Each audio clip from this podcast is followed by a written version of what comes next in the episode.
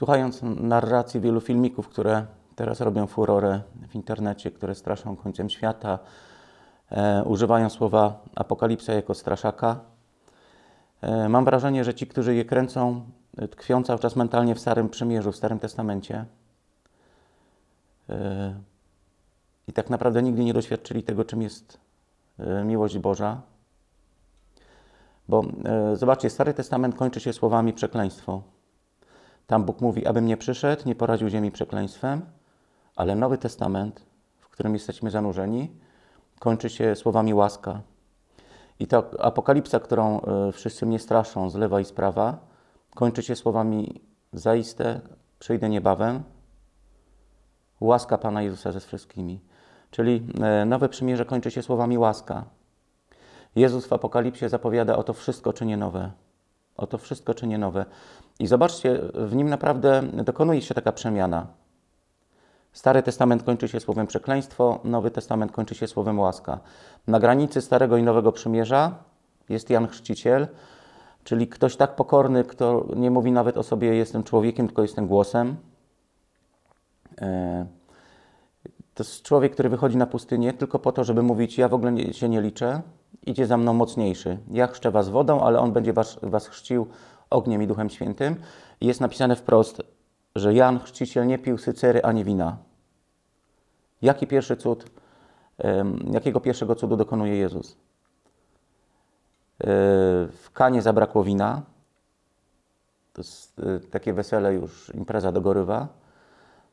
I nagle y, do namiotu, w którym bawią się mężczyźni, bo do dziś w Izraelu jest tak, że kobiety bawią się osobno, mężczyźni osobno, do namiotu, w, w którym bawią się mężczyźni i w którym siedzi też Jezus Chrystus, wchodzi Maryja i mówi, nie mają już wina. Jezus mówi wprost, ale co to, co to nas obchodzi? Czy to moja lub twoja sprawa, niewiasto? Jest bardzo szorstki, nie? Nas może ta szorstkość Jezusa dziwić. On mówi, co nas to obchodzi? Czy to moja albo twoja sprawa, niewiasto? A Maryja się kompletnie tym nie przejmuje, odwraca się mówi: Panowie, zróbcie wszystko, cokolwiek wam powie. I zobaczcie, pierwszym cudem, który uczynił Jezus, jest to, że e, dał tym ludziom 600 litrów wybornego wina. Kto to wypije? Kto wypije 600 litrów wina? Gdyby dał im 60, byliby zachwyceni. Czyli tak, na granicy Starego i Nowego Przymierza jest ktoś, kto nie pije sycery ani wina. Pierwszym cudem Jezusa jest to, że em, daje ludziom 600 litrów wybornego trunku i mówi: Teraz przyzwyczajajcie się do hojności mojego ojca, nie do waszego braku. E, On naprawdę wszystko czyni nowe. Żydzi e, nie mogą dotykać zmarłych. Nie, bo prawo bardzo wyraźnie te- tego zabrania. E, Do dzisiaj tak jest, nie? że w Izraelu, jeśli ktoś umrze, no to e, leży w osobnej izbie, nie, nie można go dotykać. Co robi Jezus, kiedy widzi e, młodzieńca z Nain, czy kiedy widzi e, córkę Jaira? Dotyka zwłok dotyka zwłok, nie? czyli bierze, jakby zaciąga na siebie całą nieczystość. Żydzi nie mogą dotykać kobiet, które cierpią na upływ krwi. Nieważne, czy to jest miesiączka zwykła, czy to jest tak jak w przypadku tej kobiety, która całe mienie wydała na lekarzy. Yy, nie mogą yy, dotykać takich osób. Co robi kobieta, która cierpi na upływ krwi od 12 lat? Dotyka Jezusa. Jezus na to pozwala, czyli jakby zaciąga na siebie nieczystość. Żydzi nie mogą spożywać krwi. I to nie jest przegłosowane przez Kneset, to nie jest, wiecie, przez parlamentarną większość ustalone. Bóg powiedział, nie będziecie spożywali krwi. I dlatego jest taki dramatyczny moment y, w szóstym rozdziale świętego Jana. Łatwo to zapamiętać, bo to jest Jan i trzy szóstki, czyli Jan, szósty rozdział, 66 werset. Kiedy Jezus mówi, będziecie jedli moje ciało, będziecie pili moją krew. I większość tłumu odchodzi, mówi, nie możemy cię słuchać. Dlaczego? Bo nie mogą spożywać krwi, bo Bóg im zabronił. I mówią, nie możesz być Mesjaszem, skoro mówisz, że będziemy pili krew. A nasze prawo na- nam tego zabrania. I dlatego jest to pęknięcie.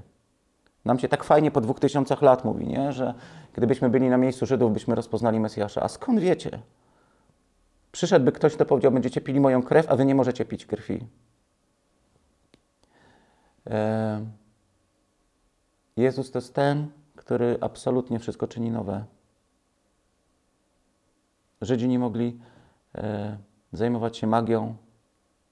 Pierwsze osoby, które przychodzą do Jezusa po pasterzach, którzy byli w, gdzieś wygnani kompletnie na margines społeczeństwa, nawet nie mogli łożyć na świątynię.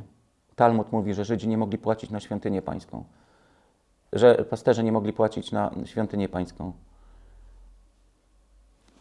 cudzołożnice, celnicy i pasterze nie mogli płacić na świątynię pańską. Pierwsze osoby, które spotykają Jezusa, to są pasterze. Yy, A potem królowie, tak jak my mamy napisane w naszym kalendarzu, ale tak naprawdę magoi, czyli ci, którzy zajmowali się magią. Co to znaczy, że w Jezusie mamy wszyscy przystęp do Ojca? I to jest bardzo dobra informacja. To znaczy, że y, żyjemy teraz w przymierzu,